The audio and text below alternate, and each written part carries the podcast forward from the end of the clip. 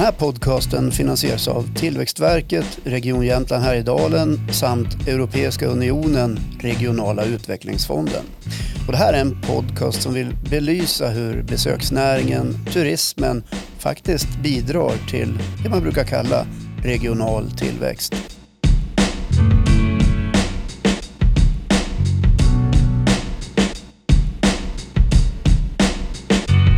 Styrelseproffs, investerare eh, och mycket annat. Mats Svensson, hallå där.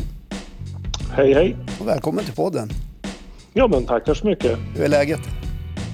Idag är det mycket bra tycker jag. Ja. Stabilt. Vad är det som gör den här dagen så bra tycker du?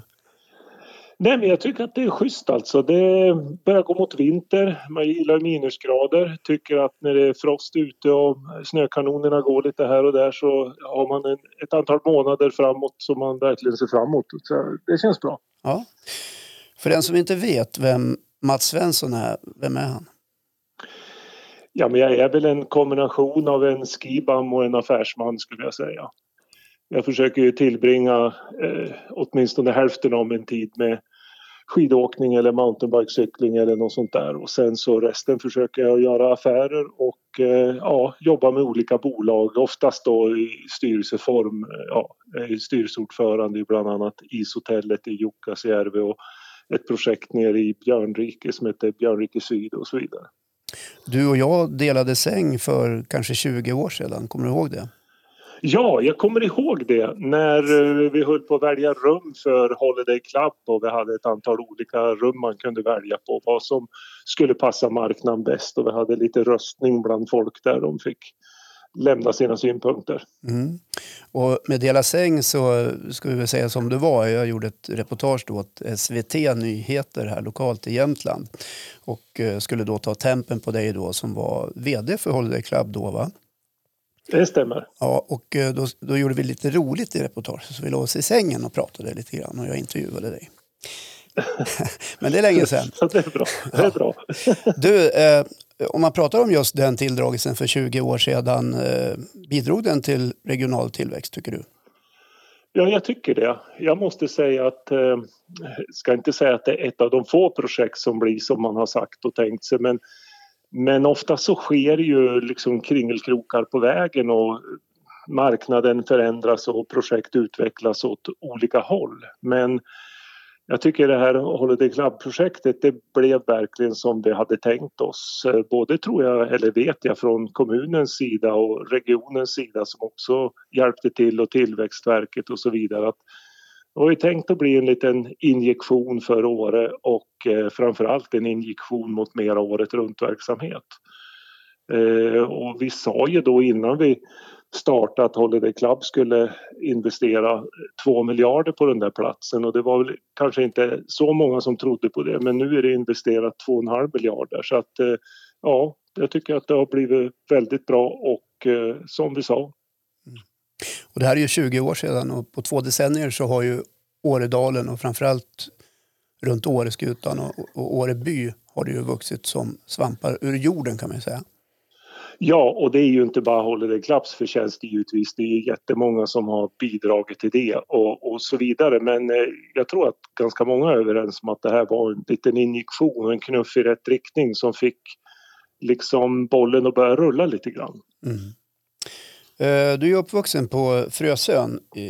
Du har en lång yrkeserfarenhet inom Region Jämtland Härjedalen. Vad, vad betyder den här regionen för dig? Ja men alltså det är ju alltid hemma på något vis och där man känner sig ja, riktigt hemma och eh, ja, känner till jag tycker jag känner mycket folk, mycket bra folk, mycket kompetenta människor som man har kunnat jobba med på, eh, i den här regionen över över årens lopp och det har ju alltid varit givande och bra tycker jag. Sen måste jag säga att jag tycker också det har varit bra att man har kunnat vara på andra ställen och när man är på andra ställen och jobbar, jag har ju jobbat på ganska många ställen i Sverige ändå med olika projekt och sådär och då upplever man då att Jämtland Härjedalen har liksom ett starkt varumärke. Kommer man därifrån och jobbar med besöksnäringen så upplever jag att ja, folk tror på vad man säger på något sätt. Därför att de vet att det är ju den kanske viktigaste näringen i, i vår region. Liksom. Så att, eh, det är bara positivt. Mm. En del brukar säga att skogen är den viktigaste Alltså det beror ju på hur man ser det. Jag tror nog att man kan säga att skogen är... Det, det är ju viktigt med skog men man kan inte... Alltså vi kan inte hålla på med skog alla vi som bor i Jämtland Härjedalen. Det funkar ju liksom inte. Så jag brukar säga att den enda näring som Jämtland Härjedalen har en långsiktig konkurrensfördel i som anställer mycket människor så att det finns jobb för oss allihopa. Det är besöksnäringen. Mm. Allt annat kan man tillfälligt blåsa liv i och tycka att det är bra. Men om vi tar de långsiktiga strategiska konkurrensfördelarna så hävdar jag att det är bara besöksnäringen av de näringar som anställer mycket folk. Vad är det som gör då vår region så viktig ur ett tillväxtperspektiv då, kopplat till besöksnäringen tycker du? Ja, men jag tror att det är att mycket går åt det här hållet nu med att, eh, eller det är en långsiktig trend, att vi har ju liksom ganska unika miljöer på många sätt. Både vad det gäller skog och orört men också där det gäller eh, vad jag kallar för man-made attraction där saker och ting är byggt och eh, ja, går att besöka på det viset och underlätta för besökaren och så vidare. Så att jag tror att vi har den där kombinationen av lite centra, typ eh, Vemdalen, Funäsdalen, Åre, ja det finns fler. Och där man har en viss servicenivå som man sen också har i närheten av naturen. Och den där kombinationen tror jag är en långsiktig vinnare. Mm. Går det att eh, mäta egentligen tillväxt kring besöksnäringen i annat än samhällsservice och, och sådana saker? Ja men det tycker jag det gör. Jag tycker man kan ju, man kan ju mäta den på, på många olika sätt. Man kan ju mäta den med inte bara beläggning och sånt där, man kan ju mäta den i betalningsvilja, man kan ju mäta den i antalet sysselsatta, man kan ju äta, mäta den i vad man då kallar för inducerade effekter, det vill säga när den som får lönen i en, till exempel en hotellreception sen gör av med pengarna på ICA och den sen på ICA gör av, som jobbar på ICA gör av med pengarna i sin tur. Hela det är ju egentligen det kretslopp som initierats av eh, besöksnäringen. Och, och det finns ju ingen annan bransch som har så stora inducerade effekter som besöksnäringen har. Och, och, det beror ju på att det är så sysselsättningsintensivt och därför tycker jag att det passar väldigt bra för vår region att, att verkligen satsa på den här näringen. När vi har haft med politiker i den här podcasten så pratar de uh, ganska ofta om att näringen måste börja visa siffror hur viktig branschen är. Alltså mm. gästnätter och sånt där. Känner du igen det här? Ja, och det tycker jag man kan hålla med på. Och jag tycker nog vi visar siffror av det som är gästnätter och så vidare. Men jag tycker vi är ganska dåliga på att visa sysselsättningseffekterna och just de här som är... Det är ganska häpnadsväckande när man räknar på inducerade effekter som jag säger. Liksom, hela den penning karusellen som besöksnäringen sätter igång den är helt oöverträffad i, i eh, alla näringar. Så att det är turismen som är det bästa på det sättet och det tycker jag vi inom branschen kan bli mycket bättre på att liksom ja, sprida den kunskapen för att näringen ska få precis den position den förtjänar. Liksom. Mm. I botten kan det ju handla om att beslutsfattarna behöver rejäla underlag att ta beslut på. Exakt så är det. Vad ska man göra åt det då om man upplever det som ett uh, litet bekymmer? Nej men jag tror att över, överlag så att liksom korsbefrukta politiker med eh, besöksnäringen och branschorganisationer och så så mycket som det går och hitta de forumen och de kanalerna för att liksom prata om det här. Det, det, det tror jag är viktigt. Eh, och sen tror jag vi från branschen kan bli mycket bättre också på att snäppa upp i just att eh, jobba närmare politiker och beslutsfattare på, eh, på ett annat sätt. Där tror jag som du nämner till exempel skogen och gruvor och vindkraft och allt vad det är. Jag tror att de är duktigare på det än vad vi är inom besöksnäringen. Vi, vi kör oftast på liksom och, och, och kör våran grej men jag tror här finns det en utvecklingspotential för hela eh, besöksnäringen och inte minst i vår region. Mm. Eh, om man då tittar på branschen i stort, eh, förutom att det kan behövas skjutas på med kompetens och även ekonomiska medel? Finns det något annat som du ser för att eh, branschen ska få den stöttning och service som den kanske förtjänar? Alltså det nästan viktigaste just nu för besöksnäringen det tror jag är att försöka driva frågan om att man ska bli ett riksintresse. För som det är idag så är det mycket projekt som stannar i detaljplaner och eh, allt vad det är för någonting som då hänger lite på att jag menar gruvorna är riksintresse, vindkraften är riksintresse, samerna är riksintresse och så vidare men besöksnäringen är inte det. Och den skulle liksom komma högre upp på politikers agenda överhuvudtaget tror jag om, om det fick statusen som riksintresse. Så det tror jag är en av de viktigare frågorna att jobba med faktiskt. Ja, men sitter du på någon lösning? Hur ska man gå tillväga för att klassa besöksnäringen som ett riksintresse? Det kan ju skilja Nej, mellan det... olika regioner och olika orter till och med. Jo precis, men det gör det ju vad det gäller vindkraft och gruvor också. Det, det är liksom inte så att... Men, men jag menar på att den är av riksintresse för Sverige. Sverige eh, kommer att må bra med en besöksnäring som hela tiden utvecklas och för att den ska kunna få den status den behöver i planeringshänseende när man liksom planerar vad ska mark användas till i det här landet. Då tycker jag att eh, besöksnäringen ska vara ett riksintresse. Och, och sen att det ter sig olika på olika platser i landet, det är ju helt naturligt. Mm. Berätta lite grann om ditt engagemang i ishotellet i Jukkasjärvi. Jo, men det är väldigt roligt. Det var ju Yngve Bergqvist, alltså grundaren av ishotellet. Han är ju Frösebo förresten från början. Mm.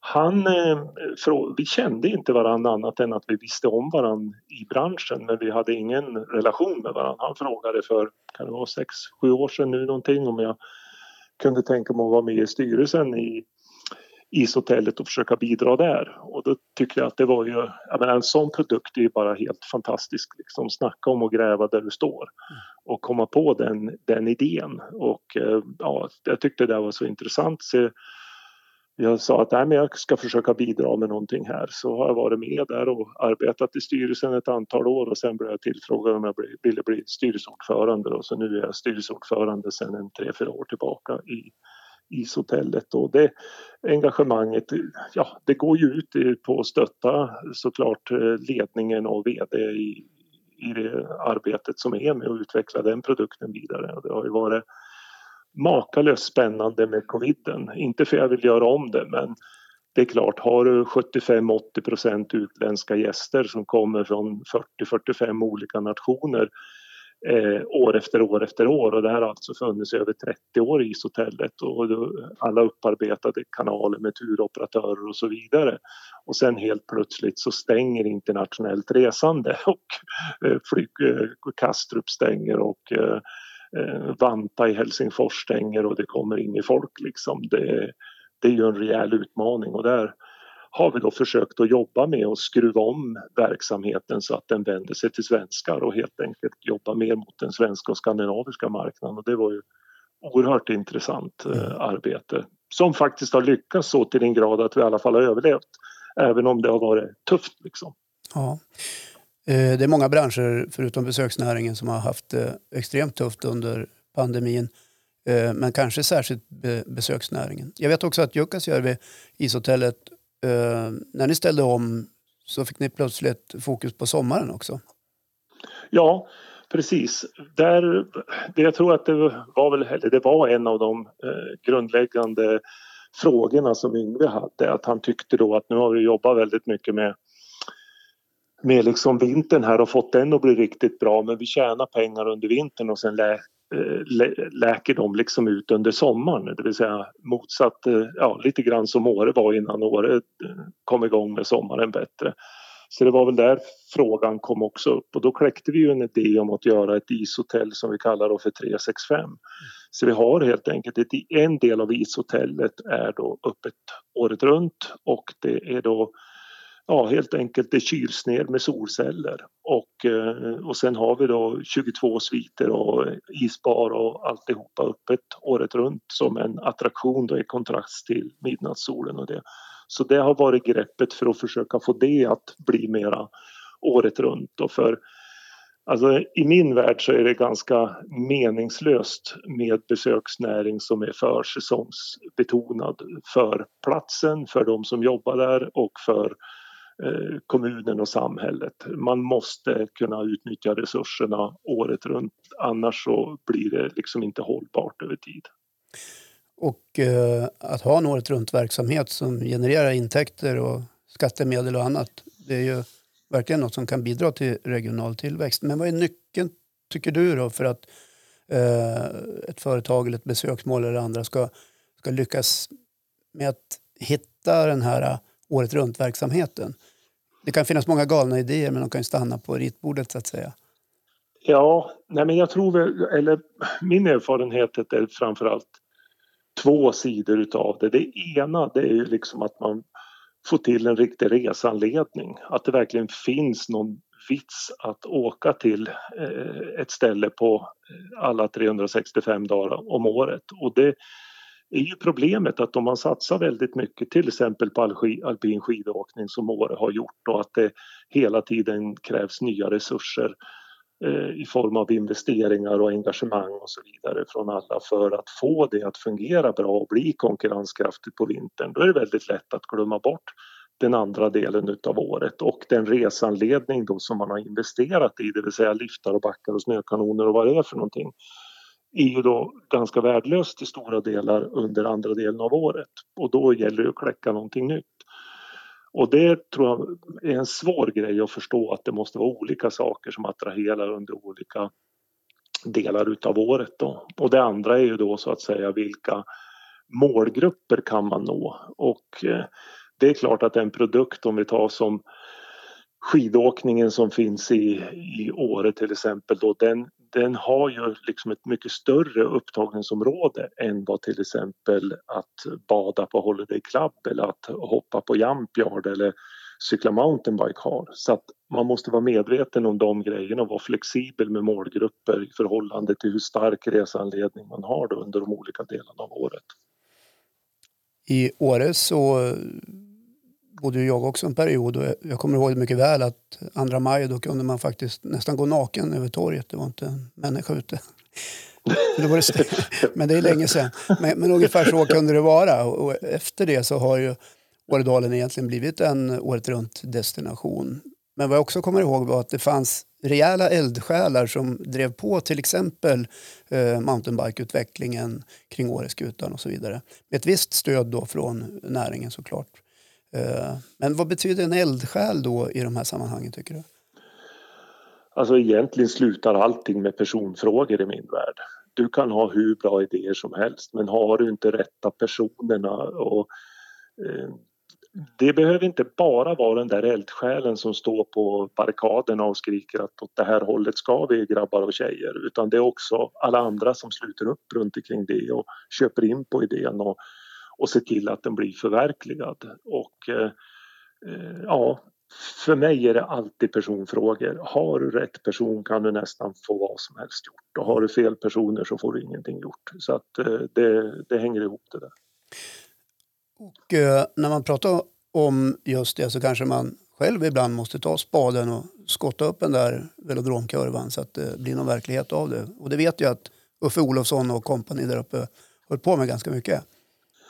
Ja, egentligen började ju redan, tycker jag, med de som verkligen var pionjärer. Det var ju Örjan Hansson och Jörgen Lindman som såg till egentligen då ihop med ett, ett gäng att eh, Åre fick mountainbike-VM 1999. Mm. Och det var ju extremt tidigt ute. Det var väl för tidigt kan man säga egentligen för det var, fanns ingen gensvar i marknaden då för den produkten. Men men det satte ändå en ribba på vilken nivå Åre kunde nå på cyklingen och eh, jag tror att det var väldigt betydelsefullt trots att det blev lite vakuum efter det där VMet ett antal år. Men eh, jag upplever att vi har haft nytta av det, att det liksom ändå fanns en, en känsla av att ja, men det här kan bli riktigt bra. Mm. Men samtidigt blir det också en, en del av en eh, orts gemensamma historia som man kan blicka tillbaka och lära sig av och samtidigt också prata om i framtiden. Titta här vad vi gjorde här redan då. Ja precis och förhoppningsvis lär vi oss av det och kan gå vidare för som jag upplever egentligen att både utvecklingen av alpin skidåkning och cykling har gått lite samma väg i Åre. Nämligen att det börjar att drivas på av ett gäng entusiaster som egentligen är lite för bra på det de håller på med. Så att eh, både mountainbikecyklingen och skidåkningen blev lite för svår till att börja med och det tar ett tag innan det liksom planar ut och blir lite mera tillgängligt för vanligt folk. Men då har du ju haft den där spetsprodukten som också drar och intresserar folk så att eh, det, det har sin betydelse ändå men eh, jag kan se likheter mellan hur det har etablerats de typerna av produkter. Uh, när vi gör den här podden så landar vi inte sällan i just Åredalen och det kanske inte är så konstigt för det är ju en form av spjutspets inom i alla fall besöksnäringen på det sättet. Men om man tittar ut över länet så finns det ju en massa värden i mindre orter som skulle förtjäna kanske att exploateras mer mot besöksnäringen på ett hållbart sätt. Uh, har du några konkreta tips och råd att ge till de mindre aktörerna där ute eller till och med enskilda entreprenörer? Alltså, ja, jag tycker väl egentligen att skiljelinjen den går egentligen på hur nischad man ska vara. Och tar man de lite större destinationerna där tycker jag också att det är väldigt mycket fokus på det men man måste ändå titta på, på Vemdalen, på Lofsdalen, på Funäsdalen. De har ju också haft väldigt, väldigt fin utveckling och, och, och fina volymökningar och så vidare där det känns att att det liksom är ett drag under galoscherna. De här orterna tror jag har en möjlighet att skapa en ganska urban turistprodukt och det tror jag kommer att bli den största efterfrågan i framtiden. Har man då inte en urban turistprodukt då måste man nischa sig och det tror jag är de lite mindre destinationernas utmaning att inse att istället för att vara lillebror till Vemdalen och Funäsdalen och Åre och vad det är för någonting så kan vi bli liksom storebror i våran nisch. Mm. Men ofta så försöker man ha en ganska komplett turistprodukt som eh, ska så att säga likna eller efterlikna då de större destinationerna och det där tror jag är ganska dödfött över tid utan då tror jag på att man ska vara stenhård i att nischa sig mot en specifik målgrupp eller mot en specifik eh, aktivitet som man blir riktigt, riktigt bra på eftersom då eh, destinationens storlek och kanske ekonomiska kraft och så vidare inte kommer att räcka till till de riktigt stora. Mm. Om du nu får chansen att Eh, kika ytterligare 20 år framåt i en liten spåkula. Hur tror du landskapet ser ut i Jämtland här i dalen kring besöksnäringen? Jag tror att det kommer att fortsätta i tangentens riktning. Jag tror att vi har många orter har passerat eh, the point of no return. Alltså det här är, jag ska inte säga självspelande pianon på något sätt men att det finns en så stark efterfrågan och så starkt behov av den produkt och det vi försöker leverera.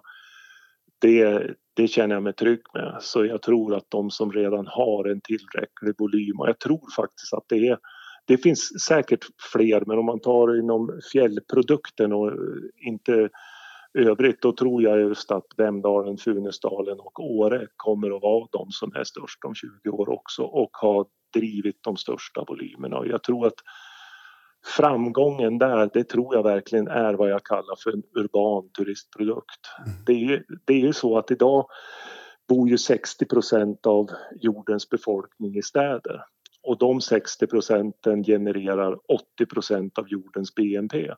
Det vill säga det är, eh, produceras mer i stadsmiljöer, folk blir effektivare, folk gör mera saker och eh, åstadkommer mer. Och, eh, för tillfället flyttar igen in en och en halv miljon människor om dagen till städer. Och det tar, kommer ju bara fortsätta i all evighet. Så en och en halv miljon fler stadsbor om dagen blir det runt om i världen. Och att de skulle söka sig till ett kalhygge och vilja sitta på en stubbe och titta ut över lingonriset på semestern, det tror inte jag på. Utan precis som många av mina kompisar i, Jämtland Härjedalen eh, som är liksom friluftsmänniskor, när de ska på semester så åker de till Alaska och åker skidor eller de åker och fiskar i Nordnorge eller vad de nu håller på med för någonting. Det, många av dem tar en weekend i New York eller i Warszawa eller vart det nu är. Men man lägger inte så många semesterdagar. På samma sätt tror jag det kommer att bli för de människor som bor i städerna. De kommer att lägga de flesta av sina semesterdagar i en urban miljö och kombinationen mellan en urban miljö och naturen tror jag blir vinnaren. Och där tror jag egentligen Härjedalen ligger extremt väl rustad för att möta den bara vi förstår hur vi ska utveckla den produkten. Ja, det var en spaning 20 år framåt. Vi får se då om det är i farten då så får vi göra nästa poddavsnitt med Mats Svensson och kolla läget. Ja, ja jag räknar med att vara farten. Jag har sagt att jag ska bli hundra så jag, ja. det, det, ska nog, det ska nog gå vägen. Det är lysande. Ibland blir det som man säger, det vet du. Ja, det blir åtminstone som man tänker brukar jag säga. Ja. Hörru, du, om vi rundar av lite grann. Eh, du började inledningsvis med att eh, beskriva dig själv som en eh, företagsledare, investerare, styrelseproffs men också som en slags skibam att du fortfarande lever kvar i, i skidlivet och älskar också det och, och mountainbiken. Vad har du för smultronställen här i, i vår region, Jämtland Härjedalen, om det är något som du verkligen uppskattar och återkommer till årligen? Ja, nej, men det finns ju ganska mycket, men om man tar något som jag tycker är väldigt trevligt är ju kajak. Och det, där tror jag faktiskt att det finns en stor utvecklingspotential för länet generellt för vi har väldigt mycket bra vatten och väldigt mycket bra fiske. Och det är ganska bökigt för många att liksom resa runt på semestern med kajaker och så vidare. Och eh, här finns, behövs det ju både guidning och så man inte kommer i de värsta vattenfallen och det behövs ju också hjälp med fisket och lite utav varje. Och Tar man till exempel från Enan ner mot eh, Onsjön och det, det är ju otroligt trevlig paddling och lätt att komma i land och eh, fika lite och sådär. Så det brukar jag hålla på med ganska mycket. Och sen vad det gäller mountainbiken, där utvecklas det ju hela tiden och där hoppas jag verkligen att det ska bli eh, ännu bättre samförstånd mellan markägare och besöksnäringen över hur, hur man ska hantera den så att den liksom blir riktigt bra. Där har vi ett antal riktigt sköna turer i Åre som man tyvärr inte får tipsa om eftersom det inte finns markägaravtal på det hela. Så man får inte guida folk hur som helst. Men, men att det finns mycket smultronställen att göra på, på det sättet, det gör det. Och sen Sen är ju toppturandet också en kul grej. Det har ju verkligen växt sig starkt de senaste åren. Och, och, och där, där tycker jag också att där finns det ju väldigt bra möjlighet när vi pratar om nischning även för mindre ställen att liksom fokusera på de som vill topptura för det är ju en, en väldigt betalstark grupp som jag uppfattar och eh, entusiastisk och lätt att nå. Det är ju liksom en liten sån här social grupp för sig. Liksom. Mm. Spännande att få prata med dig Mats Svensson. Tack så mycket för att du ville vara med i podcasten från Jämtland ja, Härjedalen Turism. Ja, men tack själv och ha det så gott nu. Men du Mats, innan vi slutar. Visst har du varit uh, inblandad i Jämtland Härjedalen Turism? Ja, jag var styrelseordförande där ett antal år före Magnus Nilsson som är det nu. Så att det var eh, år då jag kom, ja, tycker jag, riktigt nära verksamheten och fick vara med och försöka hjälpa till att utveckla den. Det, det tror jag är en betydelsefull institution i de här sammanhangen. Då knöt vi ihop säcken tycker jag. Snyggt! Ha det så bra hörru du och sköt om dig. Ja, det ska jag göra. Ha det gott du också.